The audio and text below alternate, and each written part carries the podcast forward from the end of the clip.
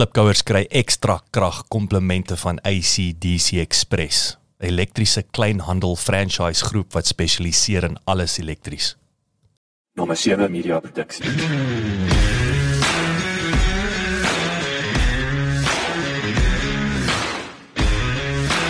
Welkom by die Klipkouers Potgooi reeks waar ek gereeld gesels met entrepreneurs en impakmakers ten einde die beste praktiese advies met jou te deel. Ek is jou gasheer, Jacques Passon. En onthou om ons nuwe besigheid van landbou potgooi reeks genaamd Boerpot te luister. Laat die wiele rol. Die Wet Swanepoel het homself nie alleen die afgelope paar dekades onderskei as 'n vooraanstaande kundige op die gebied van urologie nie, maar sy ondernemingsinstinkte het een van die wêreld se suksesvolste digitale gehoor gesondheidsondernemings tot gevolg gehad. Die wet wat 'n dokter is in audiologie aan Tux is die mede-stigter en wetenskaplike adviseur van die Herex Groep, 'n gehoorgesondheidsfirma wat bekostigbare toegang tot gehoorsversorging bied deur die aanwending van slim digitale gesondheidsoplossings wat enigiemand op enige plek kan gebruik. Volgens die wet het Herex in 2015 ontstaan as 'n sosiale onderneming en het onlangs 'n allemintige 8.3 miljoen US dollar reeks A fondsinsameling voltooi. Lekker leer en lekker luister.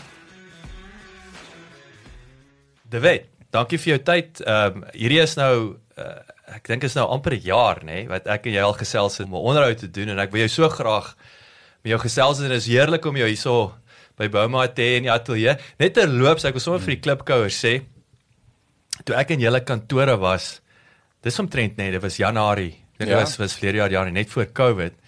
Ehm um, julle kantore daar in Pretoria is so pragtig.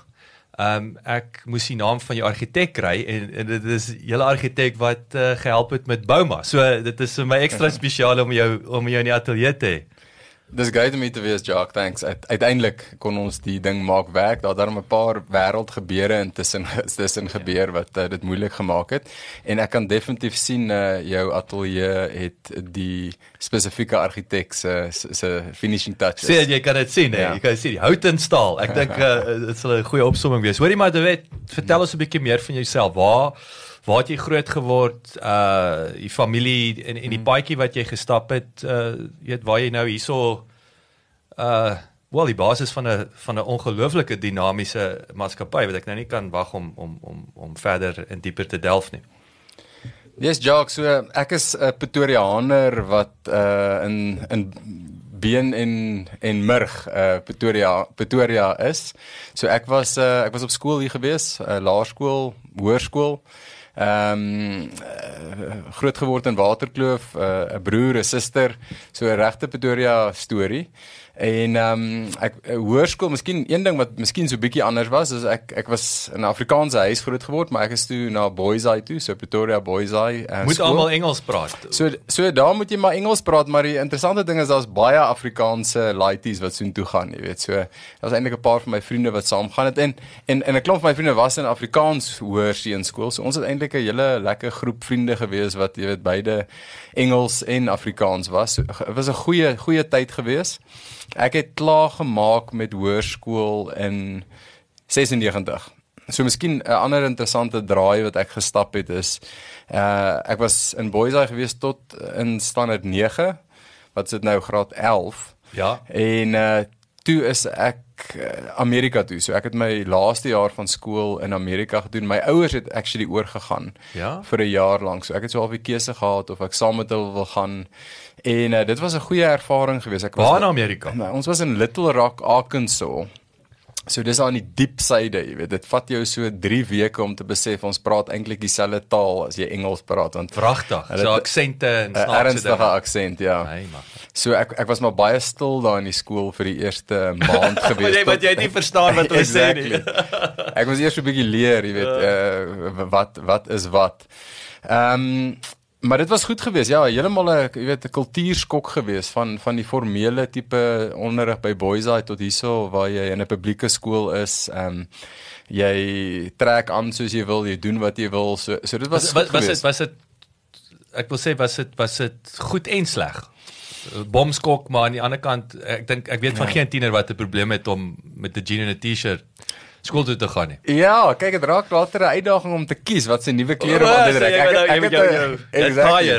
Ek ek het waardering vir 'n vir vir die eh, voorspelbaarheid van jy weet 'n skooluniform wat jy elke dag kan aantrek. So so nee, dit wa- dit was dit was 'n dit was 'n goeie ervaring want dit was blootstelling, jy weet. Ek dink blootstelling is maar altyd goed vir ons, jy weet, laat ons oë oop gaan. Dit het by my ook so 'n bietjie van daai, jy weet, begeerte wat ons baie keer het om te sien hoe gaan dit eh, hoe, hoe lyk dit in die res van die wêreld, jy weet, en, en daai idee dat dit altyd beter is op ander plekke. So 'n bietjie van dit by my, jy weet, ehm um, geblus. So ek ek was toe nou baie uh, gelukkig en bly om terug te kom Suid-Afrika toe. So so kom net om vinnig by Little Rock Arkansas, jy weet stil te staan. Wat wat's een ding wat jy sou sê wat baie goed was en die een ding wat baie sleg was? Of minder goed. Kyk, miskien miskien een een ding wat ek geleer het daarso is ons ons was nou in 'n in, in 'n redelike goeie skool in Little Rock gewees. Maar wat ek besef het is dat die standaard van onderrig wat ek hier gekry het in Suid-Afrika was, jy weet, uh, kop en skouers bo wat dit was daarso. So, so mens het waardering gekry vir vir wat uh, mense hierso gehad het in terme mm. van die blootstelling en die yes. onderrig en die dinge wat mens geleer het. So dit was definitief my maklikste skooljaar wat ek nog gehad het. So so in daai opsig was dit was dit 'n goeie blootstelling. Miskien eh, saam met dit soos ek vroeër genoem het, die, die feit dat mense so bietjie weier blootstelling het as Suid-Afrika, eh, gee vir jou, jy ons het nogal baie getoer deur die deur Amerika ook in daai jaar. Dit was 'n voorreg geweest om al die dinge te sien en te ervaar. So 'n baie intensiewe jaar gewees. Ja, ja, ons het baie dinge ingepak in die jaar, jy weet. Ehm um, maar dit dit gee mense waardering ook vir vir die geleenthede en die dinge wat ons hier in Suid-Afrika het. Ek dink die moeilike ding was maar jy weet jy jy, jy kom van Afrika af, ehm um, jy lyk nie soos iemand van Afrika noodwendig vir hulle nie. So daar's altyd maar interessante gesprekke wat jy moet hê en en, en daar's 'n kultuurskok, jy weet jy, jy jy moet maar gewoond raak aan daai kultuur. Ehm um, so so daar was so daar was 'n bietjie van 'n leerkurwe ook in in hierdie hele storie gewees. En, en interessant hoe jy, ek wou amper sê jou verhouding met Amerika vandag ook is baie baie belangrike verhouding. So dis ja. amper dit asof hy full circle Ja, ge, ge, gekom het, nê. Nee. verseker, ja. So jy kom toe nou terug. Pretoria gemis alhoewel ek ek weet meeste eh, gebore getoe Pretoriaaners Ek dink baie ons hulle spot met die Amerikaners wat nooit uit sy staat uit was. Ja. Ek dink ons baie Pretoriaaners wat nie weet waar Bloemfontein is nie. Maar in elk geval Verseker, kyk as as jy as jy 'n plek het met sulke lekker weer, hoekom sal jy Nee, enige ek- ander plek wil ek- gaan nie? Ek, weet? ek ons is wat 3 jaar hier. Ons, ja. ons ek weet presies waarvan jy praat en ons ons verstaan dit ja. nou. Toe kom swat jy. Ja. So en en op daai stadium was ek 'n regte, jy weet, 'n tiener of 'n jong student gewees. So my opsies oor wat ek wou studeer eh, was so half uh, bepaal deur hoe lank dit gaan vat, jy weet. Ek ek ek ek, ek, ek het medies 80-20. oorweeg. Exactly, ja. Ek het oorweeg om om om iets soos medies te doen, maar op daai stadium het ek gedink 6, 7 jaar en dan nog 'n paar jaar se, jy weet, gemeenskapswerk. werk. Ehm um, gaan gaan gaan net nie op daai stadium vir my werk nie. Ek dink jy's aan die einde van jou lewe teen 30, jy weet. Ja. So jy moet die meeste van jou Ja, tyd stok uit. Ja. Ek, ek, so so op daai stadium het ek gedink aan audiologie. Tyd vir 'n het jy geweet insetsel. Audiologie bestuur gehoor, balans en verwante afwykings. Audioloë behandel mense met gehoorverlies en gaan proaktief te werk om verwante skade te voorkom deur gebruik te maak van 'n verskeidenheid van toetsstrategieë, soos gedragsgebaseerde gehoortoetse. Probeer audioloë vasstel of iemand normale sensitiwiteit vir klanke het.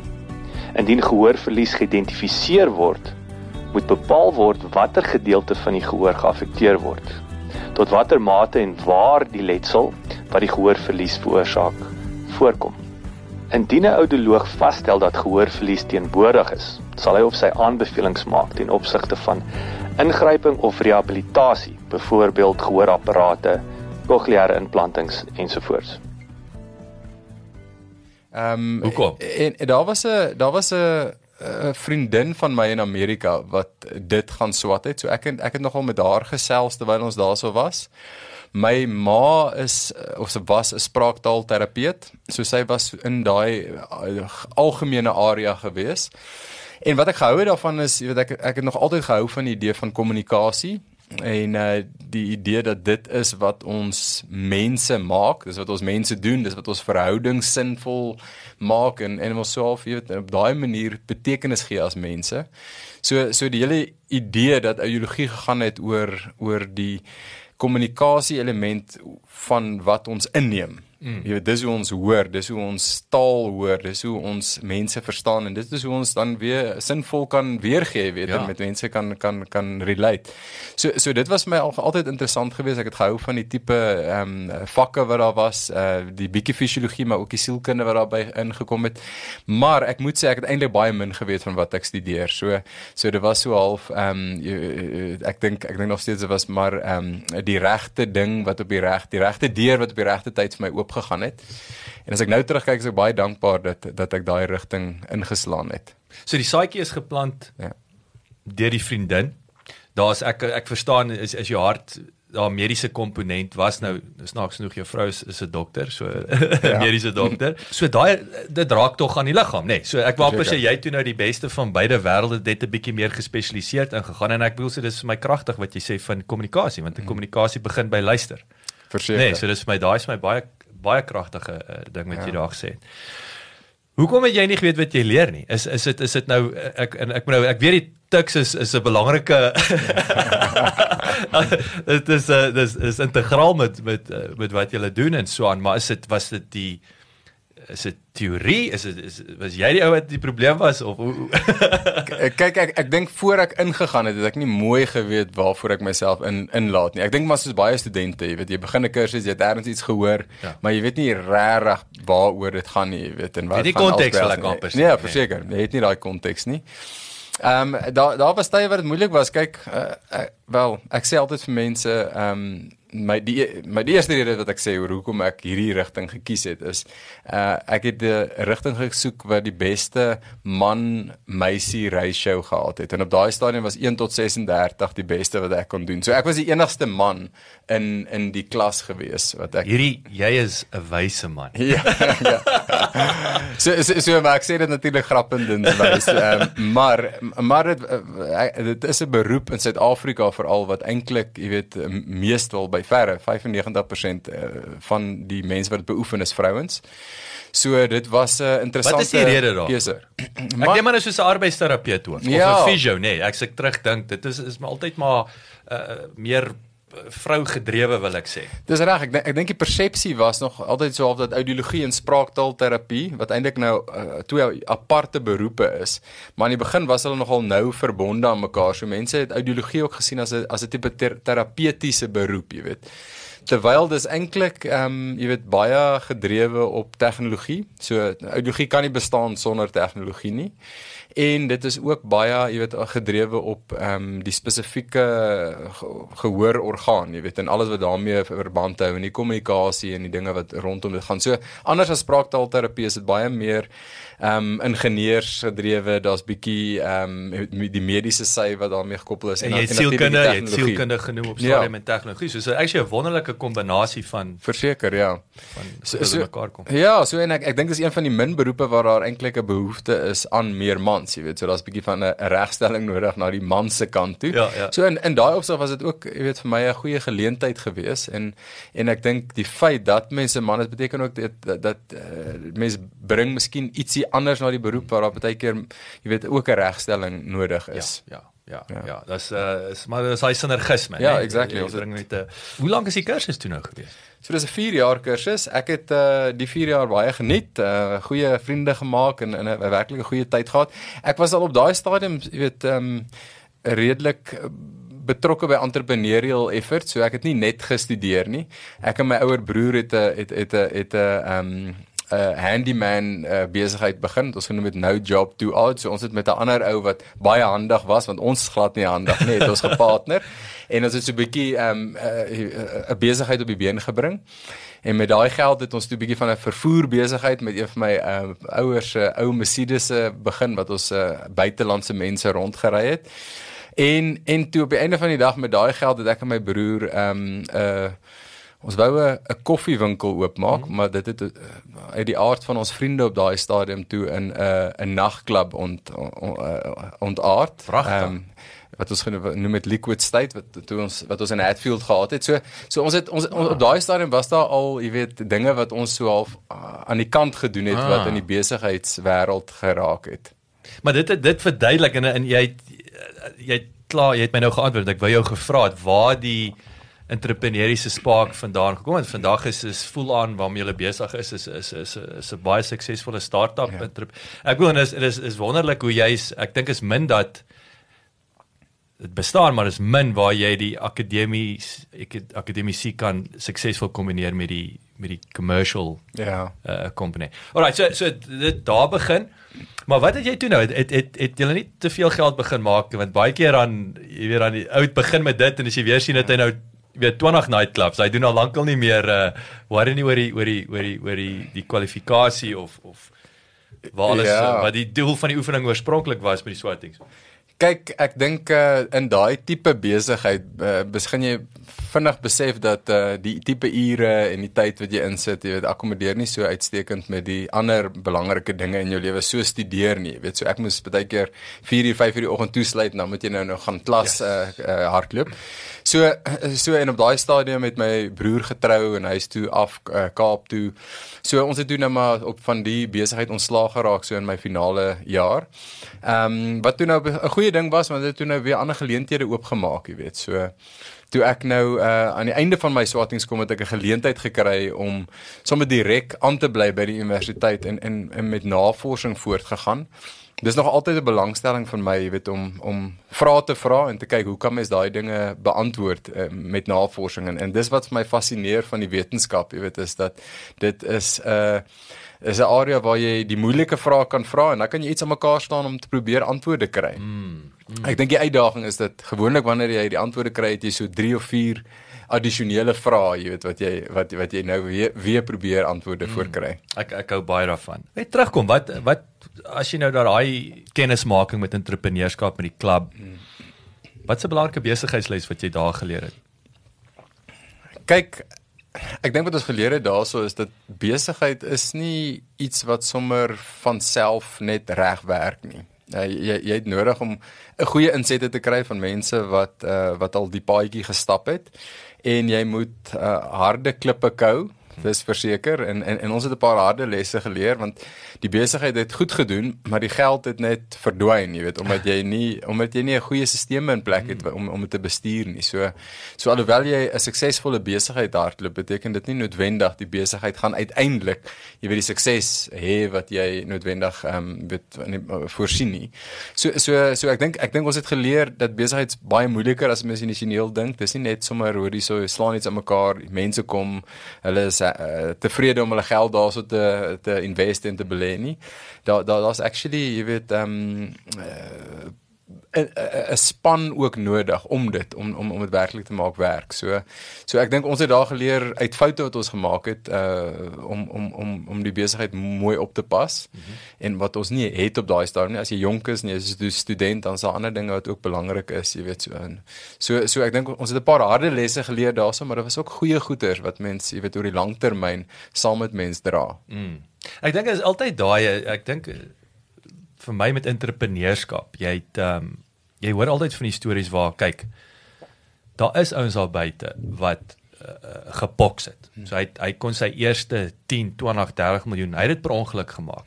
So dan en dan wat van daai ouens doen is hy wil homself gaan bewys dat dit nie 'n poks was nie en dis gewoonlik 'n gemors. Soms is dit oukei okay om te erken dis 'n poks gewees en geniet leef van jou rente af en ja. en en en en dan gat jy.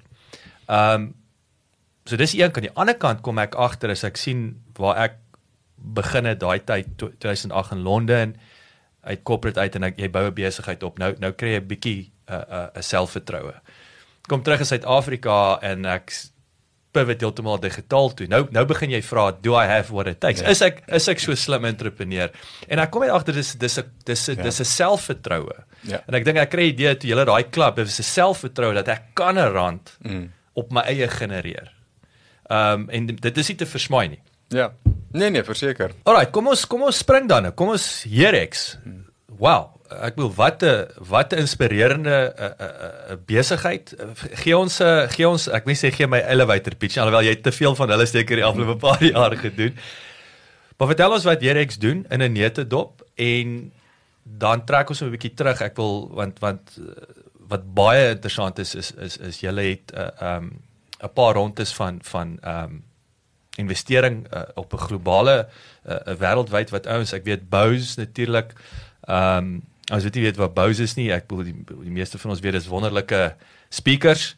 Um toe ek met jou gesels het, ek het nooit geweet Bose is is deel van MIT en Boston, Massachusetts skielik toe maak daai die Bose naam ja. sin vir my.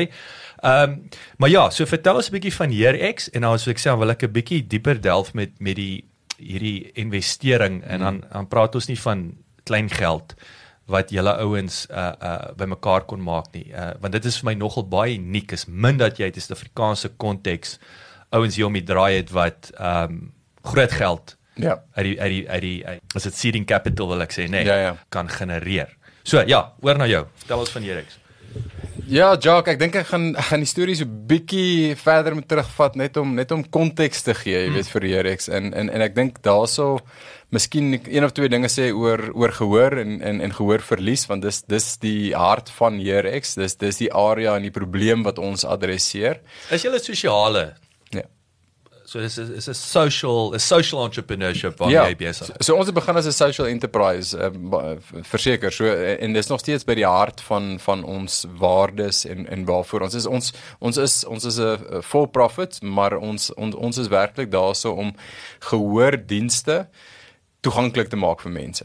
En die realiteit is, jy weet, gehoorverlies affekteer uh, meer as 'n biljoen mense oor die wêreld. En minder as 5% van mense met gehoorverlies kry toegang tot die dienste wat hulle nodig het. Pragtig. En is dit omdat die ouens in die stiks is of wat is die rede vir dit? Ja, die interessante ding is in, in as jy nou kyk na Afrika, uh daar gehoor sê net maar ehm um, professionele persone in die mediese uh, wêreld wat wat gehoorverlies kan adresseer, jy weet en en kan diagnoseer en en behandelings kan gee. Daar's so een vir elke miljoen mense in Afrika. So so dis net heeltemal te min vir die behoefte. So die professionele persone is 'n probleem en en die apparaat tradisioneel is baie duur. Jy weet beide die toets opset en die toetsapparaat, maar ook die gehoorapparate en die ander tipe tegnologieë wat ons ouens mee kan help. Die amazing ding is dat ons lewe in 'n in 'n dag en eeu wat ons vir mense wonderlike oplossings kan gee vir hulle probleme. Maar dis baie duur en meeste mense kan nie toegang kry tot daai dienste nie. En, en dis dis, dis eintlik waar Jerex gebore is, is, is by daai daai spanning. En en en so wat's dit nou 12 13 jaar gelede het, het het ek net gevoel jy weet hierdie hele industrie het nodig om te kyk na wat die megatrends is in die wêreld wat wat besig is om die industrie in die wêreld, jy weet, veral in Afrika en ontwikkelende markte te verander. En en en en en, en op daai stadium was dit konnektiwiteit. Mm -hmm. Die feit dat die wêreld, jy weet, gekonnekteer geword het deur ehm um, sel, sel, selfoonnetwerke. Afrika is getransformeer en is besig om getransformeer te word voor ons oë as gevolg van hierdie netwerke. En ek bedoel in Kenia is die manier van bank met jou foon, jy weet, Dis mense het nie ander bankrekening ja. nie. So so die hele konnektiwiteit tegn- saam met die tegnologie, die eksponensiële tegnologie ehm um, vooruitgang eh, maak dat die hele bankwese en die en die geldindustrie in Afrika, Kenia is 'n goeie voorbeeld, eh, gerevolutionize is, jy weet. Ander industrieë soos ehm um, soos landbou in Afrika waar waar eh, ouens wat net hulle klein stukkie grond bewerk, gebruik hulle selfoon om te weet wat se pryse, wat se beste markte in hulle omgewing om hierdie goederes te verkoop, jy weet. So so hierdie hele ehm um, tendens het, het, het, het ek op daai stadium met gevoel moet ook die gehoorindustrie en die gehoorgesondheidsindustrie verander. Mm. Dis rap as jy wil, jy weet. Mm, mm, mm. So so, so dis dis, dis waar Jerex begin het en op daai stadium het, eh, eh, was my doelwit om te kyk hoe kan ons die goedkoopste selfoon gebruik om 'n akkurate gehoortoets te doen.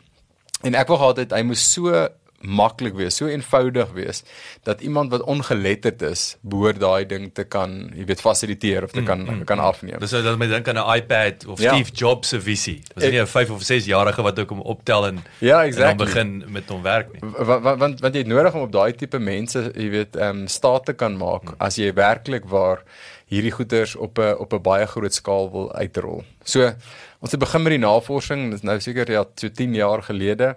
Ek het gepraat eers met 'n met met 'n professor wat ek wou mee saamwerk om daai het hy vir my gesê dis onmoontlik. Jy sal dit nooit kan doen nie.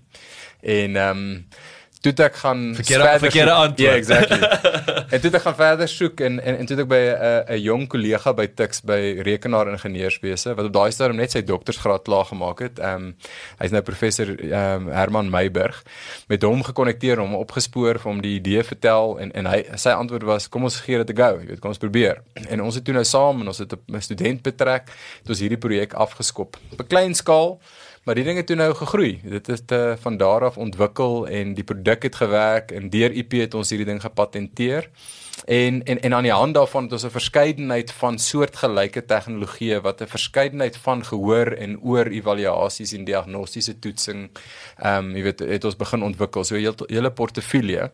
En en en dit natuurlik het julle daai tyd alhoewel is seker moeilik om te kon sê het julle kon julle antisipeer dat dat dat slimfone gaan doen wat hulle kan doen. Want ek bedoel as jy dit Ja. op die ou Nokia die ding kon laat werk het, nou sit geen wonder julle het so drasties uitgebrei nie, nê? Nee, as ge, Ja. as geval en natuurlik internet koneksie en en en daai is nou die Ja. next ja.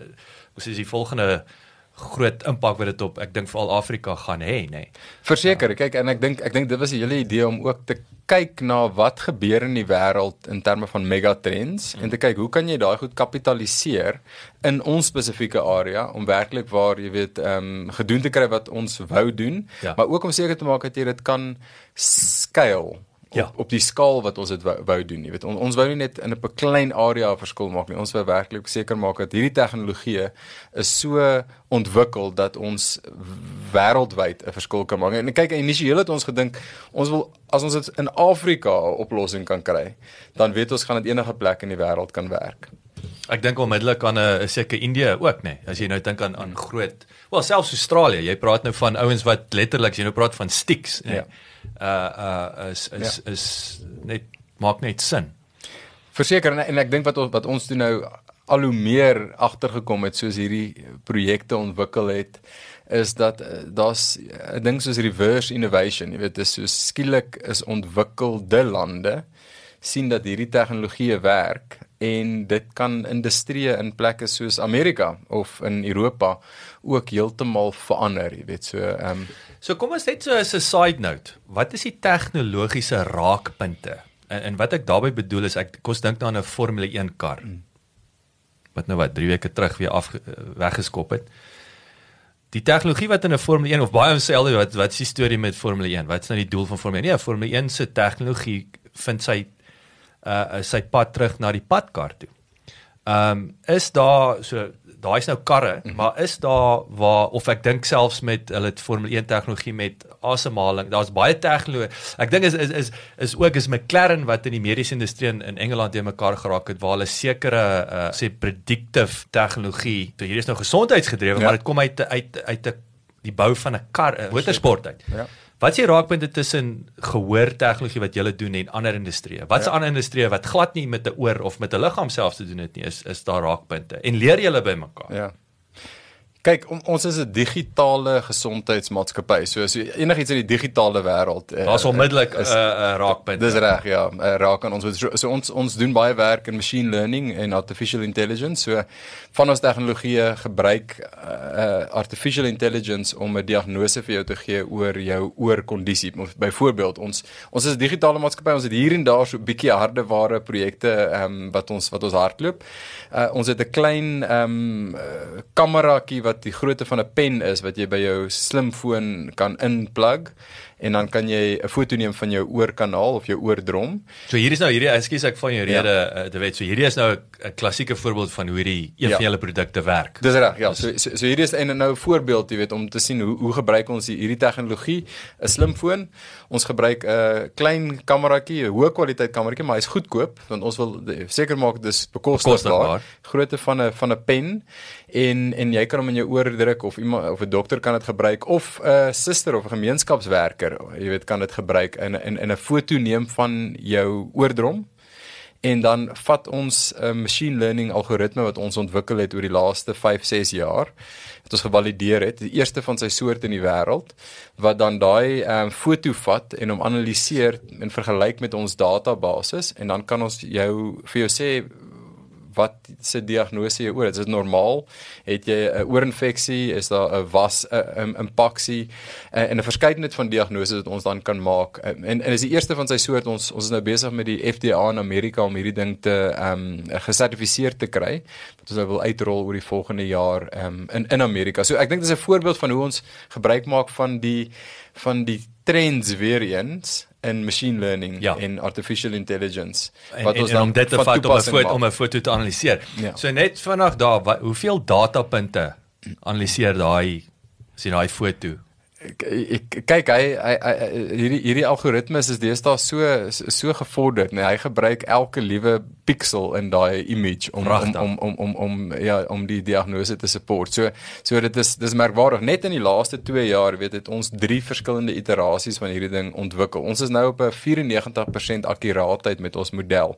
So ons is nou meer akkuraat as wat 'n dokter is om vir jou 'n oordiagnose 'n 'n diagnose te gee oor of jy 'n oorinfeksie het of nie. Hoe akkuraat is 'n dokter histories? Ja, dit dit dit, dit is 'n gevaarlike vraag. Kyk, daar's daar's actually 'n klomp navorsing gedoen daaroor. Dan maar wat se dokter? Ja ja, dit hang af, is is Ja. ja. ja. ja.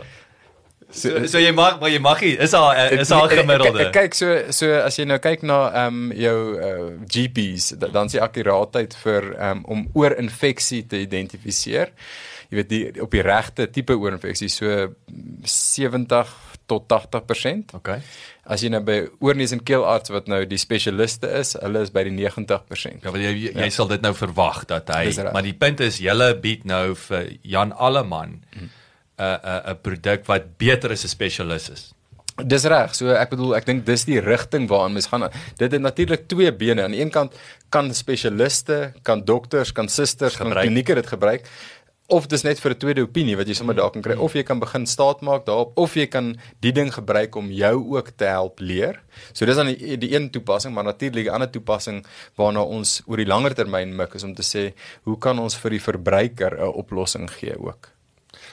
Weer daar by die ek wil dis nou dis nou daai die smart devices by die huis, nê. Nee, jy sit by die huis en en en en en ek wil ons sien weer daai neem 'n foto van die moesie Dis reg. Ja. oog, die oor. Ja.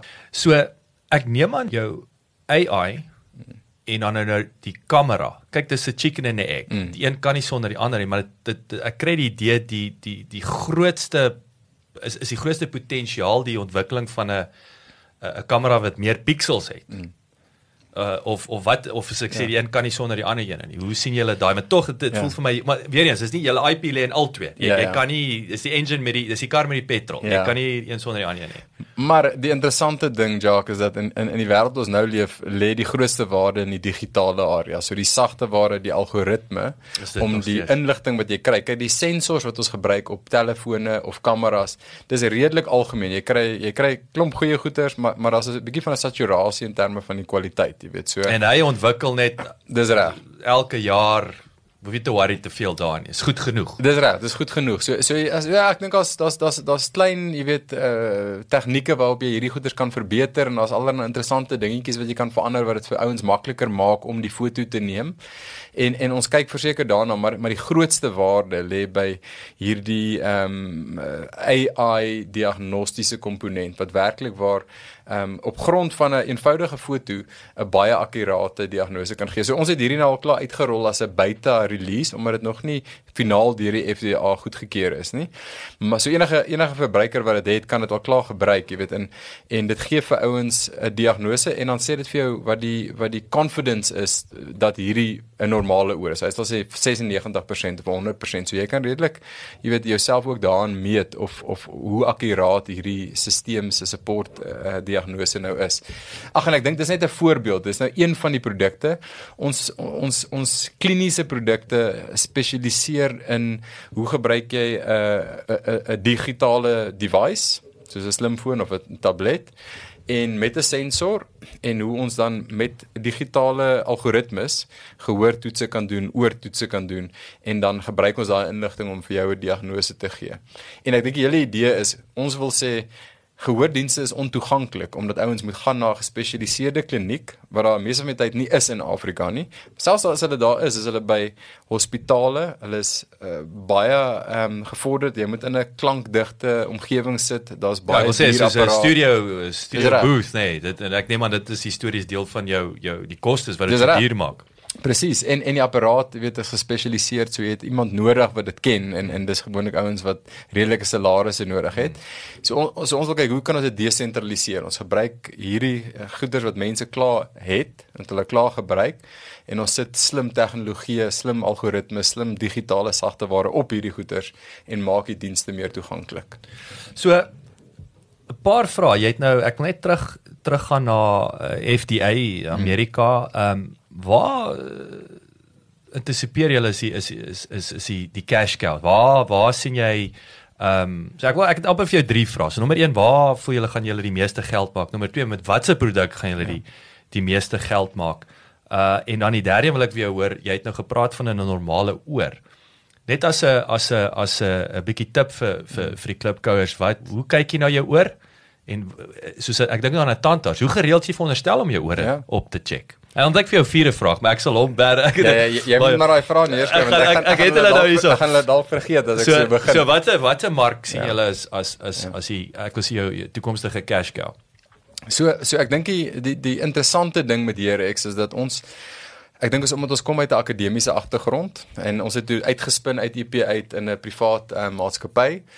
Ehm um, die interessante ding is dat ons 'n verskeidenheid van produkte het. So dit is nie altyd maklik om weet net te sê dis ons doen hierdie een ding nie.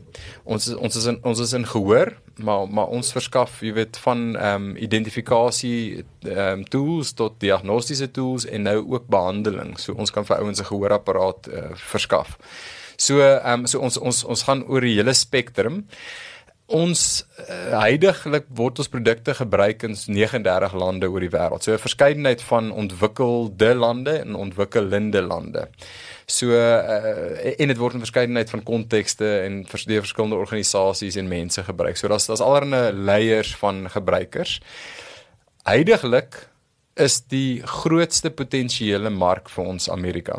Is dit? So So en omdat ons 'n uh, 'n waagkapitaal maatskappy is wat ehm um, weet befonds is deur buite investors, is dit is dit vir ons belangrik om op hierdie stadium te gaan ook waar ons, jy weet, die besigheid kan groei op die vinnigste moontlike manier en en ons tegnologie, uh, jy weet, is ons ons is ons dankbaar oor is gee vir ons werklik 'n 'n kompetatiewe voordeel in 'n mark soos Amerika.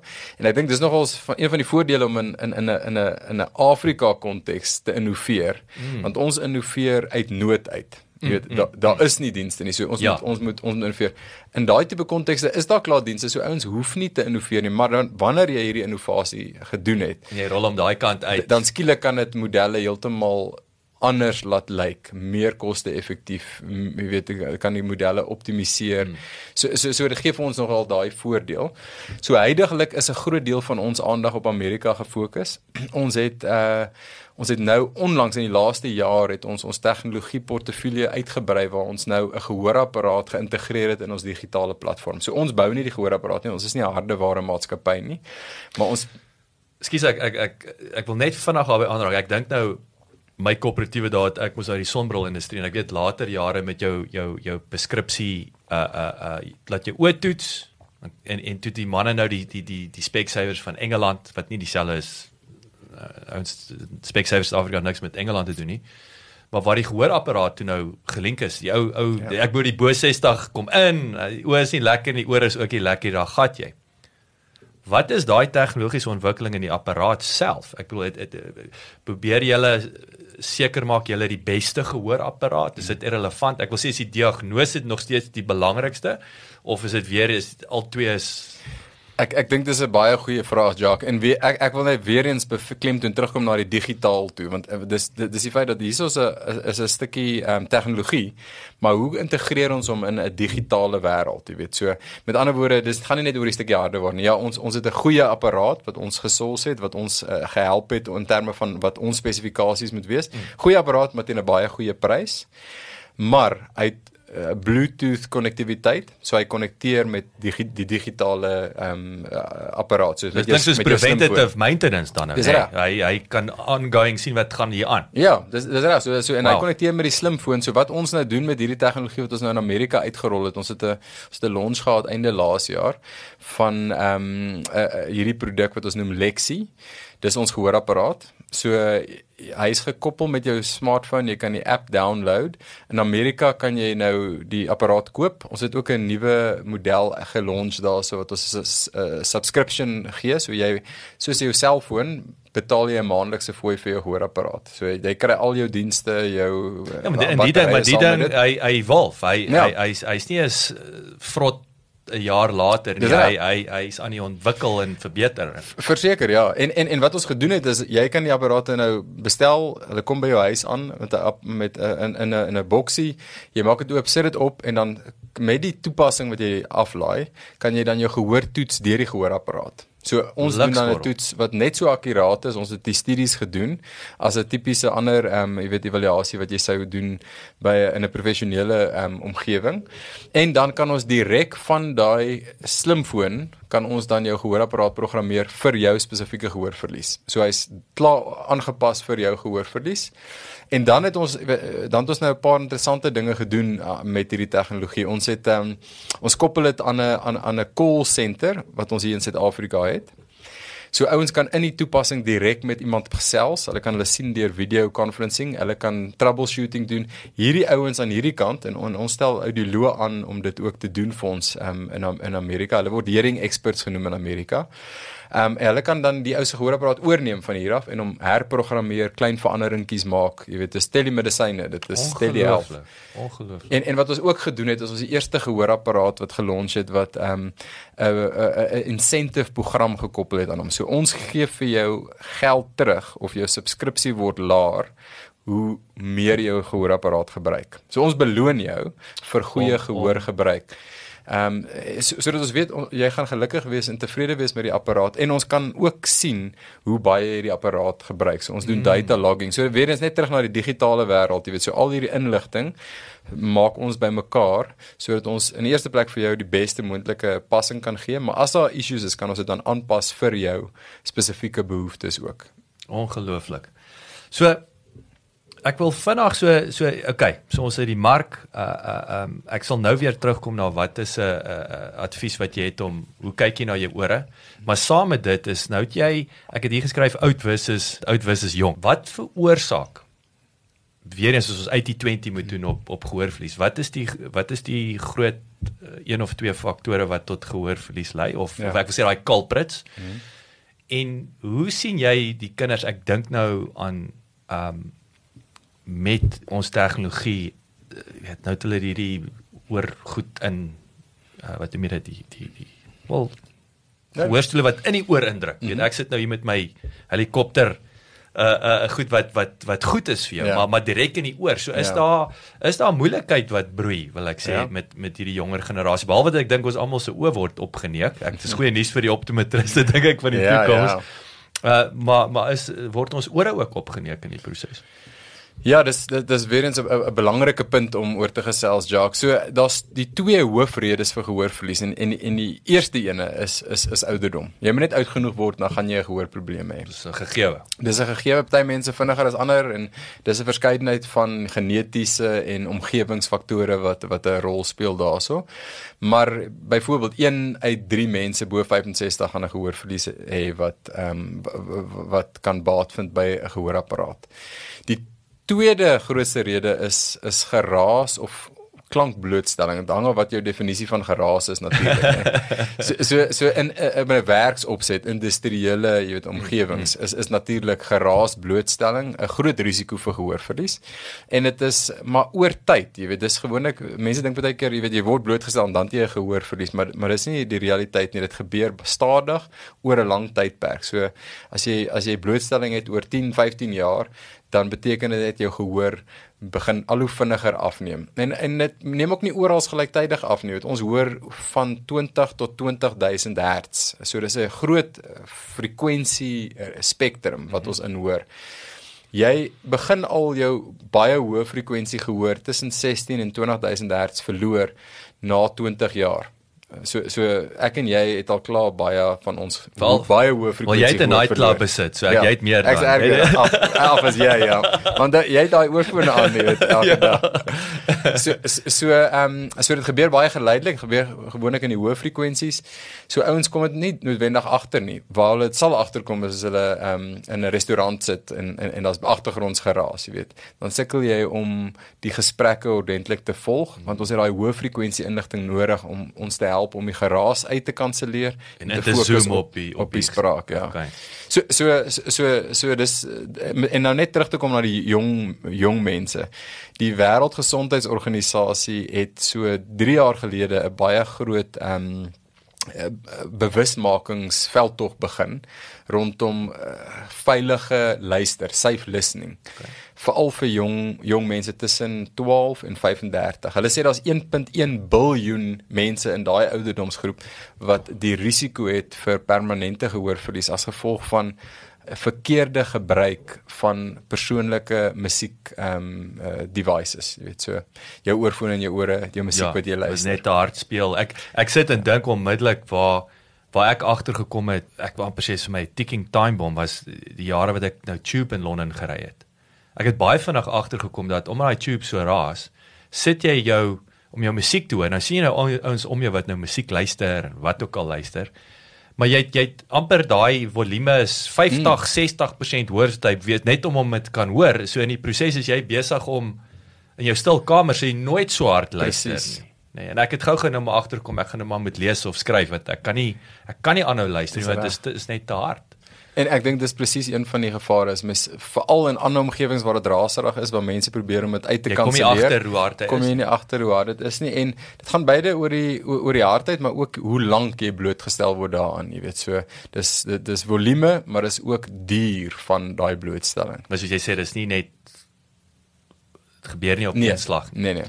En dit is mos soos ek nou my my uh huisgenoot dink ek was dit uh, um Fanie maar wat was daar in die middel man maar maar dit is mos haartjies in ons ore nê nee? of Ja. wat platval wat doodgaan of iets of Ja, Ja man, ek kan lank praat oor die gehoororgaan. Dit is 'n absolute wonder van 'n orgaan. Ek bedoel, jy is in die in die industrie wat mense moet luister, jy weet so. So is eintlik iets om om om om oor te dink, maar ons gehoororgaan, ons word die cochlea genoem, is die grootte van 'n ertjie. Hy is soos 'n slakkehuis gevorm en ek soos ek vir jou genoem het, hy kan frekwensies van 20 tot 20000 Hz kodeer en vir jou brein deurgee. En daar's so 15000 haarselletjies in daai delikate orgaan. Hy's hy- hy's hy's ge- gehuisves in die hardste been in jou liggaam. Omdat hy so belangrik is, jy weet. So ehm um, en en daai klein orgaan maak dat ons al hierdie wonderlike dinge kan hoor en kan ervaar in die, in die wêreld wat ons in lewe. Dit is 'n 'n wonder van ontwerp. Nou daai been, ek wil net en is 'n ek ek wil aan die einde van van ons gesprek ehm um, ek het vir jou vlugtig genoem nou die dag toe ek ehm um, daar van Sassel af gery het toe toe hoor ek van die nuwe Bose sonbrille. Mm. Wat hulle sê is ge, is gekonnekt met die been. Ja. En hulle sê dis hoekom Beethoven ook kon Ja. nog musiek komponeer want hy daar's 'n vibrasie. Is dit die been? K- ek kyk uh, die beengeleiding mm -hmm. van klank. Uh, dit dit is wat Bose byvoorbeeld doen met daai tipe ehm um, uh, sonbril ehm um, oorfone van hulle. Ehm um, dit beteken eintlik maar net dat jy in plaas van die klank deur jou oorkanaal na jou gehoororgaan stuur. Met ander woorde, hy gaan in jou oorkanaal, hy gaan deur die oordrom, die drie kleinste bene in jou liggaam wat die vibrasies dan deurvoer na daai ertjie ehm um, orgaan wat ons van gepraat Ja. het. Dis hoe ons gewoonlik hoor. Okay. Maar as jy beengeleiding gehoor doen, dan beteken dit jy stimuleer die been van jou skedel direk. Jy kan dit enige plek doen. Jy kan dit op jou voorkop doen, jy kan dit hier agter doen. Jy vibreer die been, die skedel. En dan beteken dit jy st- stimuleer daai gehoororgaan direk. So jy mis die oorkanaal en jy mis die middeloor gedeelte. Is dit 'n gesonder manier van luister? Uh dit uh, is nie noodwendig nie. Want daai dis daai 5000 haartjies is die mm. bottom line. Ja, hulle is daar in die die middel. bottom- So maak nie saak jy by hulle uitkom as jy as jy Maak nie. by hulle uitkom, dit gaan jy moeilikheid. Dis die maak. ding, ja. So op daai noot van moeilikheid wat aan die gebeur is hierso, wat wat is 'n uh, vinnige tip in terme van veral ons mm. die groot mense en weer die kinders wat Ja. wat met ons en ons weet maar nie ja, goed hard luister maar is daar 'n tipe van hoe gereeld moet ons ja. oor 'n toets Ja. byvoorbeeld Ja, dis goed. Miskien is daar 'n paar dingetjies wat ons kan sê daaroor. Eh, As jy bo 50, 55 jaar oud is, dan raak dit 'n goeie idee om jou gehoor elke jaar te toets. So dis dat jy nie uitgevang word Dis reg. Dat jy vroegtydig kan agterkom as daar 'n afname is in gehoor. Want hoe vroeër jy iets doen daaraan as jy 'n gehoorprobleem het, hoe beter is jou langertermyn uitkomste. En hierso miskien net 'n interessante ding om te noem. Daar's nou 'n baie groot nasionale studie in Amerika wat gebaseer is op navorsing wat reeds gedoen is wat gehoorverlies koppel met uh, demensie. So, pragtig As jy 'n gehoorverlies het, het jy 'n 3 keer tot 5 keer groter kans om demensie te ontwikkel. En en en die presiese meganisme daarvoor is hulle nog nie heeltemal seker nie. Dit mag of wees as gevolg van die gehoorverlies self of as gevolg van die feit dat ouens wat gehoorverlies het, begin hulle self al hoe meer onttrek uit sosiale omgewings uit. En met ander woorde, daar's minder interaksies, daar's die verhouding kwaliteit neem dikwels af. Ehm um, en, en en dat dit daartoe lei, maar die realiteit is daar's daai verhouding met gehoor en en en kognitiewe agteruitgaan by ouer mense en selfs demensie. So as as wat wat is 'n beter kyk jy het mos nou ek het nou hier gedink aan luister versus lees. Ja. Want met dementia, ek dink aan my skoonpa mm. dementia. So baie keer ook gesê jy gebruik net nie die spier nie. Ja. Dit net is nie eenvoudig ja. soos dit. So is dit 'n kwessie van om met luister daar is 'n is 'n vorm van mental stimulasie. Ja. Uh maar as jy nou nie kan hoor nie en jy hou aan lees in teorie dan behoort jy nie demensie te kry nie. Of is ek is ek nou oor vir eenvoudig? Ja, ek ek dink ek dink dit is meer gekompliseerd. Ehm um, kyk, dis definitief ons weet as jy jouself jou, jou kognitief stimuleer, dan dan is jy besig om kognitiewe agteruitgang met ouderdom stadiger te maak. Ja. Dit gebeur van self as gevolg van jy weet ehm um, strukturele veranderinge in die brein, maar jy maak dit stadiger. Maar die gehoor link is eintlik interessant want daar's iets van demensie wat as ons in verhoudings bly, ons het gesonde verhoudings, dan is dit ook 'n faktor wat jou beskerm van demensie. So dis 'n emosionele komponent. Dis reg in in verhoudings en interaksies en om te luister en te praat, jy weet, en gehoor weer eens is 'n essensiële bousteen om daai uh, proses, jy weet, gesond en aan die gang te hou. Dis baie interessant en dit ja. maak sin hè, dit daai sosiale interaksie. So so net om terug te kom nog na aan, na van die tips. So so uh, jy moet as jy dit uh, ouer as 50, 55 is, toets jou gehoor, jy weet, een keer 'n jaar. Die ander ding miskien net om te noem is dat uh ouers met kinders is baie keer besorgd oor hulle kinders of of nie besorgd nie. en en die realiteit is gehoor verlies is 'n onsigbare ehm um, jy weet uh probleem, nee. So mense sal dit nie weet nie. Baie keer kom ouers eers agter by kinders dat hulle uh, gehoor probleem het wanneer hulle nie goed doen op skool nie of wanneer uh, hulle terugkom van die skool af met klagtes oor hulle gedrag en hulle optrede. So mense en dikwels is omdat kinders net nie so hoor soos hulle moet hoor en dan kan 'n verskeidenheid van redes wees daarvoor. So ons sê maar altyd vir ouers ook, jy weet, um, om altyd jou kind so vroeg as moontlik te laat toets vir 'n gehoorprobleem, want ehm um, jy gaan nie noodwendig weet dat hulle een het nie, want jou huis is dit stil en wanneer jy praat luister hulle of, of hulle luister nie. maar maar ma, maar mens wil mens wil maar eerder vroegtydig, jy weet, um, iets laat doen omtrent. En dan miskien net oor die gebruik van oorfone omdat jong mense ons almal gebruik het. Ons almal ja. hou van ons musiek en ek dink die boodskap daarso is geniet jou musiek, jy weet, dis dit dit is dis great om dit te geniet, maar maar, maar doen dit op 'n goeie, goeie volume hmm. en en en nie vir te lank nie. En as jy hier en daar 'n liedjie werklik wil luister teen 'n harde volume, dan is dit fyn, jy weet. Dit, ja, daai een daai een keer daarin liedjie gaan jy exactly, op ja. gaan, gaan jy gaan jou nie gaan jou nie oor die oor die mix sit nie. Ja, so, ja, ja. maar moet net nie dit 'n 'n lewensgewoonte maak om dit teen daai volumes te luister nie. En 'n interessante, ons is nou ek hou van Spotify, jy weet ons mm -hmm. het 'n ehm um, jy's ook oor podcast Spotify is, is baie ek, ek, ek, ek sien hy's besig om stelselmatig vir Apple verby te steek. Ehm um, as as as as 'n podcast platform, maar so ons gebruik dit in die huis as familie, ons gebruik dit hier by Bouma.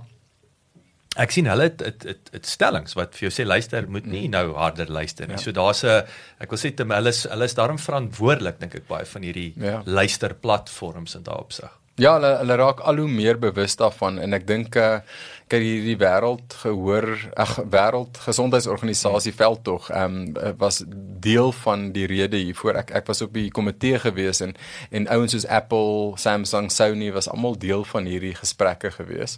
So jy sal sien die Apple uh, fone ook gee nou ook vir jou terugvoer, jy weet oor jou blootstelling. van van. Ja. Sjoe. So, hier's nou 'n simpel vraag. En dan wil ek eh, dan wil ek begin, dan wil ek nou na die na die investering kant toe gaan nou en en en ek wil begin by die uh, Universiteit van Pretoria spin-off. So, Ja. vat hom van daar af en vat ons hom deur. Wat ons jy het nou gesê 20 tot 20000 hertz, nê. Nee. Mm -hmm. Mens, wat is 'n hond? Waar hard operate hy? dit? Hoekom kan ons nie honde vletjie hoor nie? Ja, so so so, so uh, honde kan so bietjie hoor as dit hoor. Ehm um, maar baie keer is daai honde vletjie vletjies maar soos 20 22000 hertz. So jy gaan dit nie kan hoor nie, jy weet, maar maar So, dis is dis dit dis 'n klein bietjie meer. Ja, Dis 'n klein- hydrasie. Okay, ja. so ons is nie te, ja, ons sal nooit soos hulle kan ryk nie. Nee, nee, maar ons nee. maar ons kan Ons- ons, ons ons so gehoor goed is- as hulle hoor. Ek, hulle hou ook net daai gehoor langer as ons. Jy weet die mm. probleem is ons verloor dit baie vinnig. Ja. So kom ons kom ons praat geld. Kom ons praat investering. Ek weet hier ek sê hierdie is eh, ek sê ek kan amper eh, net 'n episode met jou oor dit praat. So jy begin by uh, universiteit. Dit, ek wil sê R&D Ja. uh uh audio gedrewe en toe wat so vat vertel ons daai storie nou waar jy Ja. wat 8.3 miljoen dollar hmm. wat jy nou tweede ronde nê nee. Dit is ons is se Series A befondsing, ja. So ons ons is voor dit het ons 'n uh, uh, wat hulle noem 'n angel ronde gedoen. wat hoeveel was Uh de, ah, dit ja. Oh nee, kyk ons is, ons is eintlik al deur 3 rondes. So series ons het 'n seed ronde gehad. Uh was dit ons angel ronde gehad eerste. So dit was ouens 'n groep ouens in in in Singapore wat uh in ons geglo het en in ons produk geglo het. Ek was in Finland gewees by 'n by 'n slush event waar dit is ja- jong start-ups wat present en dan sa investors daar. wat is sla Slush, dit is Ja. 'n is 'n groot um, byeenkoms wat elke jaar gehou word in Finland en dit is uh, dit is internasionaal. So daar kom so 20000 mense bymekaar en dis almal jong start-ups wat 'n great idee het. Uh, enige ding enige ding, ja, dis in enige industrie. Klomp van die bekende uh, jy weet uh, maatskappye wat nou so al traction het uh, het daar begin. my magtig So dis eintlik 'n matchmaking plek so uh, waar daar ehm um, startups is, jy doen uh, pitching kompetisies daarso en dan's daar investors. So investors kom in waagkapitaal en en hulle hulle kyk dan wat se tegnologie is daar en dan begin die gesprekke, jy weet jy, sit allerlei meetings op met investors. Wow. Hoe het jy hoe het jy van hulle bewus geword? Man, d- dit is eintlik so 'n lang storie. Kyk so miskien om dit te koppel aan aan hoe ons van die universiteit gegaan het tot tot 'n tot 'n volwaardige maatskappy. So miskien moet ek net so 'n bietjie teruggaan en dan gaan ons weer in slash in en dan kan ons die die befondsing uh, van daar af uh, vasvat. So ons is by die universiteit en my my, my co-founder uh, uh, Herman Meiburg, as ek vroeër gepraat het, ja, die die prof in rekenaaringenieurswese. ja.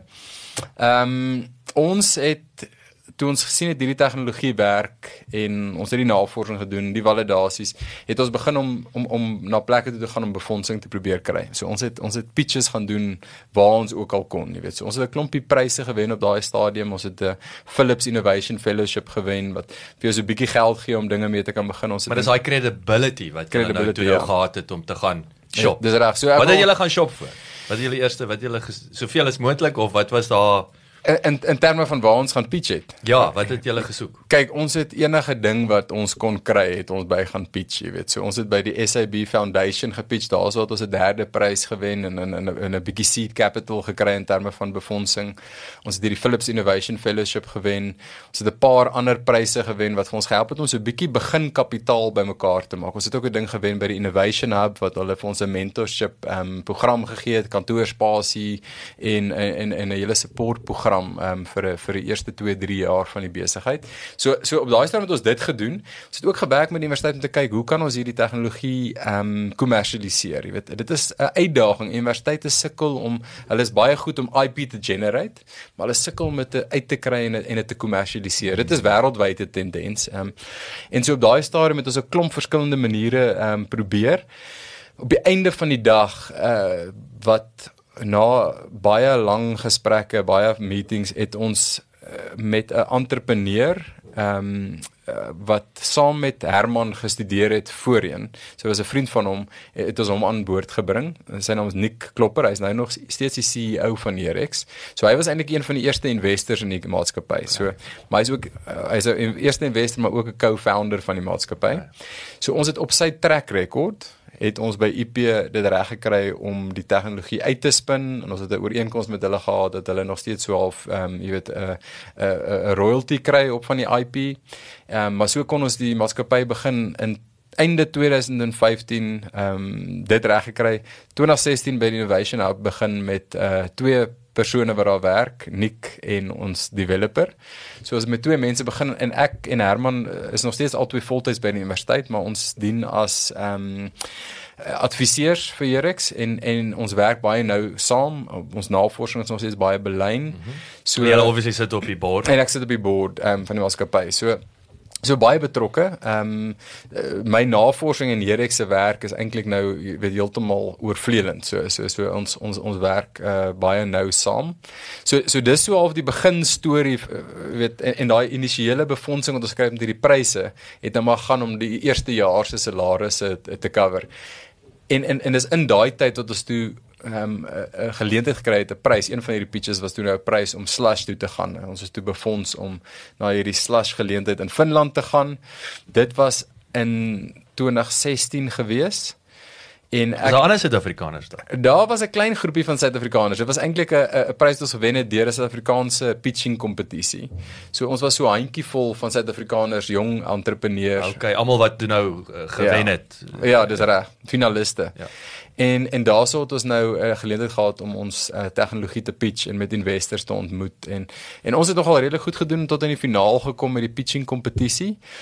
En daaroor Hoe lank is 'n pitch? Daar, is daar is Kyk dit dan af. So so jou eerste pitch is 3 3 minute. That's it. Ja. So okay, so is 'n elevate is 'n lang elevator pitch. so en, en en dan en dan as jy nou deurkom dan is daar hier en daar 'n plek waar jy so 'n bietjie langer kan gaan, jy weet, so sê net maar 4, 5 minute. Maar nee, jy jy jy leer om baie vinnig wow. jou idee te probeer kommunikeer en ag, is 'n goeie leerskool en hulle het ook mentorskap klasse daar so so hulle was voorberei. Hulle ja. hulle hulle darm kon nee, in 3 minute die boodskap oorkry. Ja ja, nee, jy werk werk deur daai goeters. En dis interessant hoe dit werk, jy weet, daaroor het ons nou 'n paar gesprekke met ouens gehad wat ons toe nou opgevolg het. Een van die gesprekke was met iemand van ehm um, Singapore af. En hulle het gehou van die idee, hulle het gehou van ons en hulle het gehou van die sosiale element, jy weet. Ehm um, en dit is waar ons ons eerste angel investment vandaan gekry het. En ons het maar hierdie ding geleer, jy weet, so hulle hulle uh, sê ons ons stel voor dis 'n valuation vir wat ons het, die minimum viable produk die uh, traction wat ons alreeds het, die blootstelling en ons soek X persentasie. Ja. Wat is daai? So ek wil nou nie dinge vooruit hardloop nie. Wat is is daar rule of thumb wat die ouens is as 'n persentasie sal vat of hang dit nou af as dit seed capital of waar angel hmm. investor seed ja. en en dan waar die groot spelers inkom, word dit meer ja. minder is daar Ja, dit hang maar baie af, nee. Dit is soos ehm um, dit hang maar af uh, wie die span is. So dis hulle belangrik om te sien dat daar ouens is wat die tegnologie goed verstaan, wat van 'n tegniese aspek werklik waar jy ekspertise het, wat credibility het. Dan wil hulle ook kan sien dat daar, jy weet, 'n entrepreneurial besigheidsmindset is, ouens wat die ding kan groei. So die span is baie belangrik. Die IP is natuurlik ook baie belangrik. Yes. Uh, en, en jou competitive advantage, jy weet hoe lyk die mark. So al daai goeie saam maar dan is daar maar so 'n bietjie van 'n van 'n guesstimate, jy weet, 'n thumbs up en en dis maar willing buyer, willing seller, jy weet so. So ek neem aan hulle push vir so min as moontlik vir soveel as moontlik ja. en julle soek nou weer dit ja. andersom. En en hierdie ouens is ouens gewoonlik wat ehm um, jy weet hulle hulle, is, hulle het al so bietjie in hierdie area rond uh, gespeel so hulle ken hulle hulle gaan hulle, hulle gaan jou laat sweet. Ja, hulle gaan jou laat sweet, maar hulle is ook ons ons is baie bevoordeel met 'n uitstekende groep mense. So hulle was so 4, 5 investors wat almal 'n sekere hoeveelheid geld ingesit het. Dis nou die Singapore man. Die Singapore ouens, ja. En ehm um, en, en ag hulle was nie te moeilik geweest daaroor nie. Hulle het geglo in die konsep en die idee en ek dink hulle sien hierdie is 'n hierdie is 'n waagkapitaal investment, hoë risiko, maar as dit werk, dan is dit high returns. Mm, mm, en mm. en en op hierdie stadium uh, is is is hulle returns redelik goed. So hulle sit so wat was daar mag jy sê wat die persentasie was wat hulle toe gevat het? So kyk, dit was maar 'n klein persentasie op daai stadium. Eh, ek dink Ek dink in die totaal wat ons op da, in daai ronde gereis het was ek dink dit was 500 000 dollar. Okay. So Was wat- dit het julle verwagtinge oorskry. Wat het julle wat Ja. was vir julle in julle koppe best case toe julle daar daai eerste 3 minute pitch? Ja, kyk, ek dink ek dink ons ons het, ons het gehoop vir daai tipe dit? bedrag. Ja, ons het ons het nodig gehad om die besigheid werklik te groei. Jy weet, ons ons het ouens gesoek wat glo in die besigheid en wat die geld agter dit sou sit. Ek dink ons was ons ons, ons het nie mooi geweet waar die valuation gaan trek op daai stadium nie. Maar ek dink ons was ons was baie happy geweest met ehm met met daai ooreenkoms. Ja. So dit begin toe alles ek wil sê die die die die die die engine start op 'n groot manier by Slush. Ja. En so vat ons nou deur daar, wat het Ja. nou volgende gebeur? Jy het nou 3 rondes, so vat ons deur elke ronde. Mm. So natuurlik, dan moet jy daai geld gebruik om jou span te bou. Ehm um, jy, jy weet 'n goeie span agter jou te kry om jou brand te bou, jou bemarking te doen en jou produkte nog te ontwikkel. Ons is op daai stadium nog baie uh ons nie mature in die produkte nie. Ons produkte om die mediese sy moet moet ook uh mediese registrasies kry wat baie duur is. So ons moet 'n klomp prosesse in plek kry. So jy sal verbaas wees hoe vinnig daai geld verdwyn. Ehm um, so jy moet maar die heeltyd jou horizon dop hou van wanneer moet jy weer 'n befondsingsronde doen.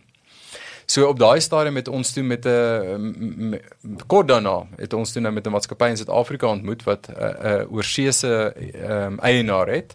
En Julle het ook maar dit julle gaan soek toe nou. Hulle hulle het na ons toe gekom om waar dit is. Okay, En en en hulle hulle hulle is in die gehoorbeskermingsindustrie. So by myne byvoorbeeld, hulle Yes. verskaf persoonlike gehoorbeskerming. En hulle het toe na ons toe gekom en en en die eienaar van die maatskappy wat van ehm um, België is, het het toe met ons 'n gesprek gehad en wou hoor hoe weet hoe kan ons saamwerk? Is daar 'n manier wat ons besighede nouer kan saamwerk? En ons het ons het gehou van van die idee. Ehm um, En daar was sprake dat ons so half miskien sou uh, saam smelt ook, maar ons ons ons wou ons besigheid groei, jy weet. Ons het ons het geglo in die idee en die konsep. So op die einde van die dag was dit toe nou ons tweede ronde van investering. So dit was toe nou die seed capital. So hierdie persoon het nou heelwat meer geïnvest as die um, angels teen 'n hoër valuation op daai stadium. Maar jy toe nou die lekker ding is alhoewel hy in België gesit het, het het julle ouens op die grond in sy mede Suid-Afrikaners met julle toe nou Dis reg. begin werk. En ons het toe nou 'n paar projekte met hulle op die been gekry ook, jy weet, wat ons Hey, Wat is daai lyn? Hoe hoe dun is daai lyn waar jou jou investeerder nou nou bring ek 10 miljoen dollar, maar ek weet niks van wat jy doen nie. Ek's nie 'n aantreklike partner eintlik nie, nê. Nee. Ja. So so op watter hoe hoe baie waarde het hierdie ouens Ja. toegevoeg over and above ja ja. 'n geldjie. Dis dis 'n dis 'n baie goeie punt daai want mens moet oorweeg, jy weet, soek jy geld of soek jy ehm um, strategiese geld. Hmm. Want uh, dis baie beter om strategiese partners op op te bring wat uh, nie net die geld bring nie, maar wat ook die koneksies bring en die moontlikhede vir groei. So so hierdie hierdie partner was 'n goed in in terme van jy, dat dit strategies was ons ons belyn met hulle. Ons het 'n klomp projekte op die been gekry wat ons saam gedoen het wat ons vir hulle ook kon doen wat vir ons gehelp het om ons netwerk te groei. So so so, so dit was goed want dit was nie net geld nie, dit was nie net kapitaal nie, dit was dit was ek slim kapitaal. Ehm um, en en en dit was 'n goeie verhouding, weet ek dink ons was bevoordeel met uh met al ons investeerders dat ons nog altyd goeie verhoudings gehad het en en en goeie werksverhoudings ook in 'n waardering. So so ons het toe nou ons het een rondom hierdie inv- investor gedoen en later het ons nog so bietjie addisionele ehm um, ekwiteit verkoop aan aan aan hulle toe ons nog so bietjie geld nodig gehad het. So ons het eintlik met hierdie partner 'n goeie verhouding gehad oor 'n langer termyn wat ons kon help om die besigheid op 'n stabiele manier te groei. Kyk, waagkapitaal is maar altyd uh, een van daai uitdagings dat jy moet die besigheid uh, groei. Mm. So jy jy jy's jy's nooit profitable nie. Jy weet, Ja. ja. jy's heeltyd besig om maar net te expand en te groei so uh, en so met ander woorde jou uitgawes raak al hoe meer. So Yes. so die befondsingsronde uh, hardloop in parallel die hele tyd. Jy weet daai gesprekke is maar die hele tyd op die tafel. Mm. So wat het julle toe nou daai tweede ronde? Wat wat is wat het toe ingekom? Basis is 500 US. Ja, ek probeer ek probeer nou ehm um, ek probeer die bedrag nou onthou. Dit is dis moeilik om uh, om om presies te onthou Plus minus. oor hierdie tydperk. Ek dink dit was so addisionele 2 2.5 miljoen dollar. Ja, so nou het 5 keer meer is Ja. as die eerste ronde. Ja, ja. So maar dit het, ek wil sê daai is ook 'n bewys proof of concept, nê, nee, Ja. dat julle is nou op die op die op die regte trek. En toe van daar af. Of sou kom ek sê wat was en en, en ek ek wil saam met dit nou, jy praat nou van parallel hardloop. Wat was die uitdagings? Wat is die bes wat 'n besigheidsles? Ek wil sê in elkeen van daai weer eens goed en sleg. wat jy in elkeen van hierdie 3 stappe. Ons is nou nou net met stap 2 en ons sal nou by stap 3 kom waar wat nou onlangs of 'n jaar terug, nê. Nee. Uh goed en sleg in elkeen van die stappe. Ja, kyk, ek dink daar's baie lesse. So uh, mens le leer maar die hele tyd. Hierdie is die eerste keer dat ons deur hierdie proses gaan. Jy weet, dit is redelik uniek vir 'n Suid-Afrikaanse maatskappy om om om so vinnig deur hierdie stappe te gaan. Net so daar was nie baie ouens wat ons hier in Suid-Afrika Ja, goue likeie kon mentor gee nie, oor ja. oor hierdie storie nie. Ehm um, ons het uh, ons het geleer dat fokus is belangrik. Jy weet om gefokus te wees met wat jy doen omdat ons kom uit 'n agtergrond van uh, R&D was ons temptasie om net aan te hou develop. Jy weet, ons het amazing idees en ons ons ons ons het ons het 'n hele spektrum van produkte ontwikkel. Tot ons op 'n plek gekom het ons besef het hoor ons het nodig om nou te execute. Um, en en en die ontwikkeling so bietjie, jy weet, um, minder prioriteit te gee, execution 'n groter prioriteit te gee en ook die span te bou rondom execution, jy weet, business development. Ehm um, so so dit was dit was 'n belangrike stap vir ons. In terme van die befondsers, ek dink ons het besef dit is belangrik om strategiese ouens te hê. So die ouens van Singapore was baie strategies. Hulle het right. netwerke vir ons daar oopgemaak, baie goeie inputs gegee. Die ehm um, lead investor daar's nou nog steeds op ons raad. Uh baie ervare ou in in in die uh, waagkapitaal space, maar ook in die gesondheidsorg uh, space. So hy voeg net baie waarde by. Ehm um, ek dink wat ons ook geleer het is dat uh jy moet maar aanhou om verhoudings te bou. Jy weet dit dit vir dit gaan oor goeie verhoudings en en en dis nie dat jy een befondsing ronde klaar kry en dan en en dan gaan jy nou net in besigheidsmode nie. Jy moet maar die hele tyd daai hoed ook ophou mm. en en dit gelyktydig hardloop. Uh, die ander ding wat ons besef het is die span is baie belangrik. Moet miskien net dit ook noem. Weet ek dink ons het van die begin af besef jy bou nie so 'n ding, jy weet op die rug van een of twee ouens nie. Mm. So ons is bevoorreg om 'n goeie founder span te hê wat verskeidenheid van ehm um, skill sets gebring het na die tafel toe en ook netwerke. Mm -hmm. So daar was credibility as gevolg van die akademiese die navorsing ja. ding, maar daar was entrepreneurial besigheidservaring wat ons nodig gehad het. Ons nie gehad het nie mm. wat ehm um, die CEO Nick Klopper ingebring het en ons het toe vinnig die span ook gebou om addisionele mense in te bring wat uh, operasioneel mm. vir ons gehelp het. So so 'n span, daai eerste 6 tot 10 hires van 'n uh, 'n startup is is amper die mees belangrikste ding. Jy weet jy moet die regte ouens kry om daai fondasie te lê, om jou kultuur reg te kry, mm. maar ook om die skill sets te hê wat, wat wat wat die res van die besigheid opgebou kan word. Weer net 'n vinnige side note. Advies vir vir vir goeie uh uh aanstellingsstrategieë. Ek wil waar het julle ouens gaan gaan ja. soek is uh Ja, sure, dit is uh, nog 'n goeie vraag. Ek, ek sien daar's baie dinge waaroor ons kan gesels. Ehm um, ons glo dat ons 'n vision led maatskappy is. Ons is visie gedrewe, sosiale enterprise. So ons visie is healthy hearing for everyone everywhere. So 'n groot visie mm. en ons wil daarop execute. Ehm um, so ons wou altyd mense moet align wees met die visie. So aan die veral in die vroeë jare was die kultuur, die vision van die maatskappy was vir ons baie belangrik. So ons het seker wou seker maak mense koop in. Hulle hulle is nie net 'n werknemer nie. net salaris trek. Nee, ons soek ouens wat wat, wat werklik glo in wat ons doen. Mm, mm. En en en wat bereid is om die pad saam met ons te stap. Ehm um, beide die die die struggles, maar maar hopelik ook die upsides. Ons wil seker maak hulle hulle voel hulle is partners. Yes. So so so veral van die initiële ouens het ons ook maniere gekry waarop ons hulle kon deel maak, incentivize, jy weet as as as as ehm um, as werklik nie nie werknemers nie, maar as deel van die familie, die Herex familie. So so een van ons core values is people first, jy weet en en dit, dit wil ons uitlewe beide binne in die maatskappy maar ook soos ons buitentoe gaan en ek dink vir ons was dit nogal 'n belangrike ding, jy weet so van die van die mense wat van daai vroeë jare al met ons is ehm um, is nou nog steeds, jy weet, daar ja, in die maatskappy. Hulle het gegroei in die maatskappy en hulle hulle is die ouens wat ehm um, wat die DNA van die maatskappy, jy weet, laat aanhou voort vo, voortlewe. So ehm um, in, in terme van hoe ons daarvan daai eerste ouens gedoen het, is baie van hulle het gekom uit ons persoonlike netwerke. So, so ons vertrous vir bestaande vertrouensverhoudinge en Dis reg, ja. So en en en dan ouens wat weer uit daai netwerke is. So dit was maar baie word of mouth die eerste klomp ouens. Kyk, as jy daai beste job word nie geadverteer nie, nee. Dis reg. Exactly. so daai hier is ou net nog nog 'n bewys. 2.5 miljoen tweede ronde. Suid-Afrikaanse partner, Belgiese maatskappy. Ja. Ek dink dat jy van my pelle werk vir 'n Belgiese uh, mynmaatskappy, mm. Magato. So, so Okay. Nommer 3. Dit was toe Ja. nou die, die groot billetjie. Maar Ja. nou nou, maar hoe het julle dit mekaar geraak toe nou met met Bose mm. en natuurlik Bose MIT. Ja. Wat is die storie daar? tyd vir 'n het jy geweet in Setsel? Bose Corporation is 'n Indies-Amerikaanse vervaardigingsmaatskappy wat hoofsaaklik audio-toerusting verkoop. Die maatskappy was gestig deur Amar Bose in 1964 in Framingham, Massachusetts in Amerika. Bose is wel bekend vir hulle tuis-audiosisteme en luidsprekers.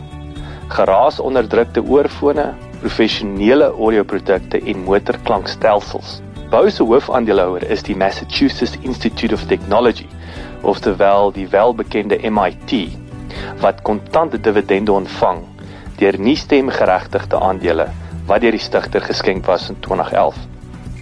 Volgens die maatskappy se jaarverslag vir 2019 het Bose inkomste van 4 biljoen dollar ontvang en meer as 9000 mense in diens gehad.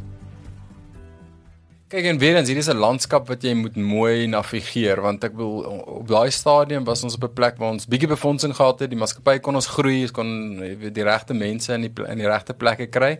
Ons moes ons moes internasionaal expand, so ons het ons het maar oral gegaan waar ons kon by verskillende shows, ons het ons tegnologie ingeskryf. Ehm um, en, en en op daai stadium moet jy besluit jy begin gesprekke hê met van die groot maatskappye in die gehoorindustrie. So een van die roetes roetes wat jy kan gaan is, is om om met een van daai ons te partner of 'n investment van hulle te vat. Dit kom met voor en nadele. Kan jy die foon optel en hulle bel? Kyk, weet julle. die, die die die die en een van die voordele was dat ons reeds daai netwerk gehad het. My my agtergrond in die akademie beteken dat ek al klaar goeie netwerke en verhoudings het met die meeste van die ouens internasionaal in hierdie industrie. So okay. so dit het die gesprekke so 'n bietjie makliker gemaak. Maar so MIT is is soos in, in vertel ons vertel net die klipkous bietjie MIT Bose. Want dit dit was ja. my fascinerend nooit twee en twee bymekaar gesit nie. Ja, ja, so so, so miskien laat ek laat ek so daarby uitkom nog want ek wat as ek nou praat van die gehoorindustrie praat ek nie noodwendig van ek praat van die gehoorverliesindustrie. Nie van die consumer electronics industrie waar Bose is nie. Ek verstaan. So so so daar's die tradisionele industrie en dis daai ouens wat ons mee ook gesprekke begin gehad het maar maar dit beteken dan as jy in daai rigting gaan dan word jy baie vinnig aligned met een maatskappy en jy maak 'n klomp ander deure toe. Okay. So o, ons het daai gesprekke gehad maar op daai stadium was ons nog ons is was en ons is nog steeds ambisieus in terme van dat ons hierdie besigheid wil groei so onafhanklik as moontlik mm. met die regte partners wat ons kan help om al die moontlike deure oop te hou. So ehm um, op daai stadium het ons TechCrunch toe gegaan. Ons het 'n ons het 'n tegnologie ontwikkel wat ons daarso ehm um, uh ook ook 'n kompetisie mee gewen het en een van een van hulle ehm um, pryse daar uh, weggekom het. Dit was in San Francisco. En uh en Bose was ook daar gewees. En dis waar die gesprek met Bose begin het. So hulle was baie geïnteresseerd in daai tegnologie. Maar weer eens, julle het die kredietwaardigheid. Julle was op die regte plek en en daai track record was daar. Ja, en en dis waar die gesprek begin en jy begin met daai verhouding, jy weet, en en en jy hou aan om daai gesprekke te hê sonder dat jy noodwendig dink dit gaan ergens heen gaan, maar jy hou die deure oop, jy weet. En mm. en hulle het toe nou weet baie belangstelling gewys. So in in, in weer eens, dit is moeilik vir 'n jong maatskappy om te weet wie die regte partner is. Ja, ja. Want daar's daar's 'n klomp opsies en en jy moet seker wees jy kies die regte ouens. Wat ons gehou het van Bose is dat hulle nie 'n tradisionele speler is in die gehoorverlies space nie. Hulle hulle is 'n consumer electronics maatskappy, maar hulle het 'n goeie naam en en en hulle het nou hierdie venture capital arm wat hulle waagkapitaal in klein maatskappye sit. So ehm um, jy het nou genoem oor Bose. Die interessante ding van Bose is ook dat hulle het ook hierdie akademiese agtergrond wat ons het. Ehm um, mense besef dit nie maar hulle is 'n privaat maatskappy nog steeds. En die rede daarvoor is dis begin deur 'n professor by Bo by MIT. Die. En en sy van was Bose geweest. My hemel. Ja. Hoe lank terug was dit? Uh, ek dink is in die ek dink hy was in die 70s geweest. Wow. Ja, 60, wow. 70s, ja. Goed baie um smart uh, tegnologie ontwikkel en hulle toe die hy toe die Bose company begin. Ehm um, wat nou baie soos wat die dit uh, klink vir my baie soos met ja, Universiteit van Pretoria wat julle nou gedoen het. Daar's daar's 'n klomp raakpunte, jy weet in terme van hoe dit begin het, maar hy het toe op die einde die maatskappy bemaak aan MIT. So wow. so die ra raad is heeltemal onafhanklik van MIT, maar MIT besit Bose. So hulle hulle het niks seggenskap oor die rigting wat Bose gaan nie, maar die proceeds kom die geldjie na hulle bankrekening. So jy kan nou dink hoe hoekom hulle ook so 'n goeie navorsing kan doen. Net Bose dink ek befonds 'n baie groot deel van wat MIT ehm um, produseer. Wow. Ja fascinerend. So TechCrunch bous deur oopgemaak en toe hoe hoe hoe loop die pad van daar af toe? nou? Ja, so dan dan dan dan begin jy nou maar hierdie gesprekke rondom befondsing en uh, en en en hulle het belang gestel en dan sit nou maar die lang pad van due diligence. So uh, hulle hulle Stuur al hulle eers bean kyk- counters in. Exactly. So hulle, hulle moet kyk, jy weet wat wat gaan regtig aan onder onder die kap van jou maatskappy. So hulle doen al daai legal ehm um, jy weet due diligences, kyk na die tegnologie wat jy het en en uh, dit vat maar tyd, jy weet. Uh, En, en uh, die die timelines is altyd onrealisties. Ouens sê hoorie uh, 'n maand, twee maande en dan is ons by 'n teken. Goed vat altyd langer en ek dink dis miskien ook iets vir vir jong maatskappye, jy weet. Ehm um, mens kan vinnig uit geld uithardloop in hierdie industrie ook. So dis ook, ook hoekom jy hierdie befondsings gesprekke jy moet moet wakker wees die heeltyd, heeltyd wakker. reg, Ja. So jy kan nie sê ek het 2 jaar se geld nie. Nee, nee, nee. So so, so ag en Bous ons het ons het ons het met hulle 'n goeie ehm um, jy weet die verhouding gebou, maar goed oor die weg gekom ook, jy weet hulle is baie belyn met ons tipe denke. En ehm um, ja, toe het hulle gesê hulle sal die die Series A befondsingsronde ehm um, lei. So hulle sal hom lead. En hulle het actually die grootste investment tot op hede in enige maatskappy wat hulle nog gemaak het ehm um, in Herex gemaak. Pragtig. En dis daai is 3 miljoen, hè. 3 jaar. So hulle doen gewoonlik so 2 miljoen dollar maksimum. Jesus, En hulle hulle toe nou uh, 3 miljoen geïnvest in Herex en ja, so dit was 'n goeie uh, vir ons 'n goeie weet ehm um, validasie dat wat ons mm. mee besig is is is is actually iets wat hulle waarde insien en en en en wat die Amerikaanse mark ook, jy weet, ehm um, uh, kan bedien. Yes. En en was daai die feit dat jy verbous op jou CV het, Ja. het dit makliker die die die ander manne aan boord gekry. Verseker. So kyk daar kom 'n klomp credibility en, en uh, interessant genoeg as jy as jy kyk soos na Bou se brand recognition in Amerika. Ek dink is een van die top 10 brands in Amerika. So Pragtig. so mense ken die brand en daar's 'n sekere uh, sekere integriteit wat saam met daai ehm um, brand kom. So vir ons was dit natuurlik uh, jy weet 'n wonderlike ehm um, ding om om om om op ons equity ehm um, sheet te sit en en uh, dit maak dit makliker om weer ander partners ook te kry wat belangstel in die in die in die in, investering. Jy het toe nou Suid-Afrikaanse Kingston Capital, nê? Nee? Het jy gepraat uh, wat was daai ek het hier Hawaii, ek kan nie my eie Hawaii, wat het ek geskryf hierso? Hawaii. Hawaii. Ja, dit klink Joods. Dit ja, dit dit is nogal Is ja. dit is dit So Bowser die fondasie gelê, jy het geëindig met 8.3 miljoen Ja. uh uh um wat jy gekom het wat is net wel gedaan. Dit is net absoluut inspirerend. Wat is die stand van sake in Suid-Afrika met venture capital? Ek bedoel histories is 'n ding wat wat die banke gedryf het, wil ek sê, maar banke is so riskavers. Is is is ek bedoel dit is, ek dink dis 'n probleem sekerlik Ja. in Suid-Afrika. Dat dat dat daar is goeie idees, daar's goeie konsepte as die die die die beursies is net is, of ouens weet nie waarmee beursies Ja. te gaan. In julle geval het julle dit in Singapore gaan Ja. die eerste ronde gaan gaan haal. Ja, kyk, eh, banke gaan nie in die waagkapitaal uh, wêreld in nie. Dit is dis dis te hoë risiko vir hulle. Ehm um, in Suid-Afrika se se ekosisteem is nog is nog redelik jonk, so so daar's nog baie werk wat gedoen moet word hierso. Daar is in die laaste 5 jaar 'n hele klomp nuwe maatskappye wat in hierdie wêreld ingekom het. Ehm um, wat wat waagkapitaal maatskappye is wat jong idees wil vat, jy weet, investeer in dit en kyk hoe dit kan groei. Spesifieke industrie? Ehm um, die kyk die die die digitale wêreld, fintech is een van die grootstes. Ehm um, en dan en dan en nou ook die ehm um, die health tech space. So so daai twee veral en natuurlik ander digitale markte ook, jy weet. So ehm um, en toenemend is daar kleiner waagkapitaal groepe wat op die been gekom het en en nog steeds uh, op die been kom. Ek dink daar's 'n klomp uitdagings maar jy weet om hierdie goeders um, op 'n plek te kry waar dit werklik waar 'n ekosisteem is wat ouens ook kan vat van daai vlak na die volgende vlak toe, jy weet. En en en en om dit werklik gedoen te kry in, net in Suid-Afrika is moeilik. So jy kan miskien die waagkapitaal hierso kry en miskien so 'n bietjie addisioneel. Daar is nou ook ouens soos Naspers wat nou befonds befondsing gee vir jong maatskappye en ek dink dink hulle hulle hulle betrokkenheid het ook nou die laaste jaar of twee nog ons gehelp. Maar ek ek dink om ouens werklik na die volgende vlak te vat, jy weet 'n 'n 'n goeie series A of 'n goeie series B ronde befondsing. Ehm um, raak dit maar nodig om met internasionale ouens te praat.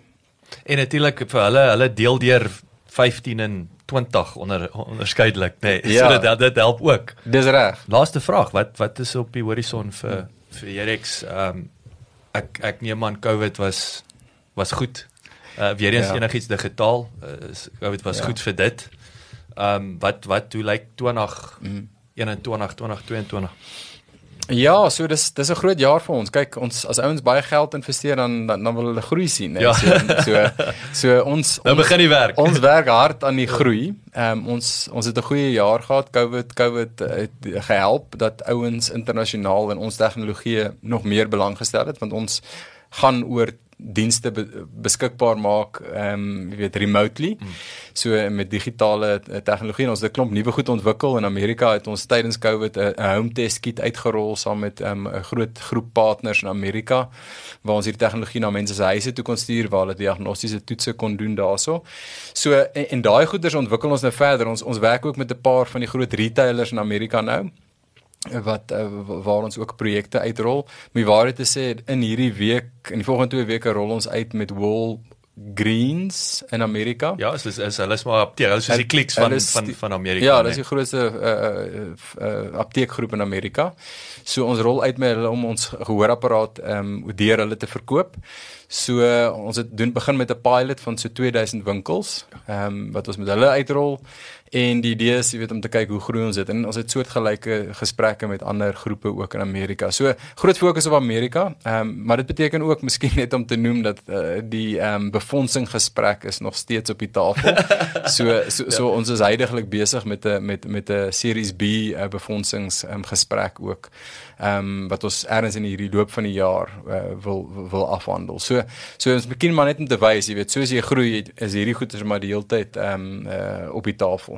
En wat uh laaste vraag, wat wat hoop jy gaan Series B uh uh werd wees? Die getal uh, werd wees. Kyk uh, om, om in Amerika uit te rol is is is is duur. So uh, dis uh, as jy in Suid-Afrika is dan klink 'n uh, 'n uh, paar miljoen dollars soos baie. Ja. Maar ehm um, in Amerika weet verdwyn dit baie vinnig bemarking ehm um, veral as jy uitrol fisiese sp spasie in winkels Tuurlik. raak baie duur. So so nee ons kyk ons kyk waarskynlik na so 15 tot 20 miljoen. Ja. Yes. Dit weet, ongelooflike ongelooflike storie. Um heerlik om jou te gesels. Ek dink hierdie is hierdie is definitief vir my 'n hoogtepunt onderhoud. Baie inspirerend en baie sterkte weer eens wel Ja. gedaan. Dankie. Uh dit is iets wat yes, dit maak my so trots en ek die manne daar buite, ons ons het ons het slim ouens in hierdie land. Uh, ons het uh sterk entrepreneurskap of entrepreneursiese kultuur, so is baie inspirerend. Uh sterkte vir 2021 en uh ek hoop om jou weer met jou te gesels as as jy as jy 20 miljoen dollar ryker is. Ek het moet onthou dit is uh, dit is alles uh, groeikapitaal, né? maar, maar nee, dankie Jacques, dit was dit was lekker geweest om te gesels en en en so 'n bietjie terug te kyk ook oor oor die pad wat mense gekom het. Mense is daai baie dankbaar, jy weet, vir al die vir al die deure wat oopgegaan het vir die vir die mense wat betrokke is en en ons voel ons is dankbaar vir die vir die seëning wat ons werklik gehad het oor oor al hierdie jare. So dankbaar om te en en, en ons is opgewonde om te sien waar jy nou gaan. Baie dankie dat jy geluister het. Vir 'n opsomming en notas van die episode, gaan asseblief na ons webwerf www.klipkouers.com en teken sommer in terwyl jy daar is, dan kan ons jou gereeld op hoogte hou. Baie dankie.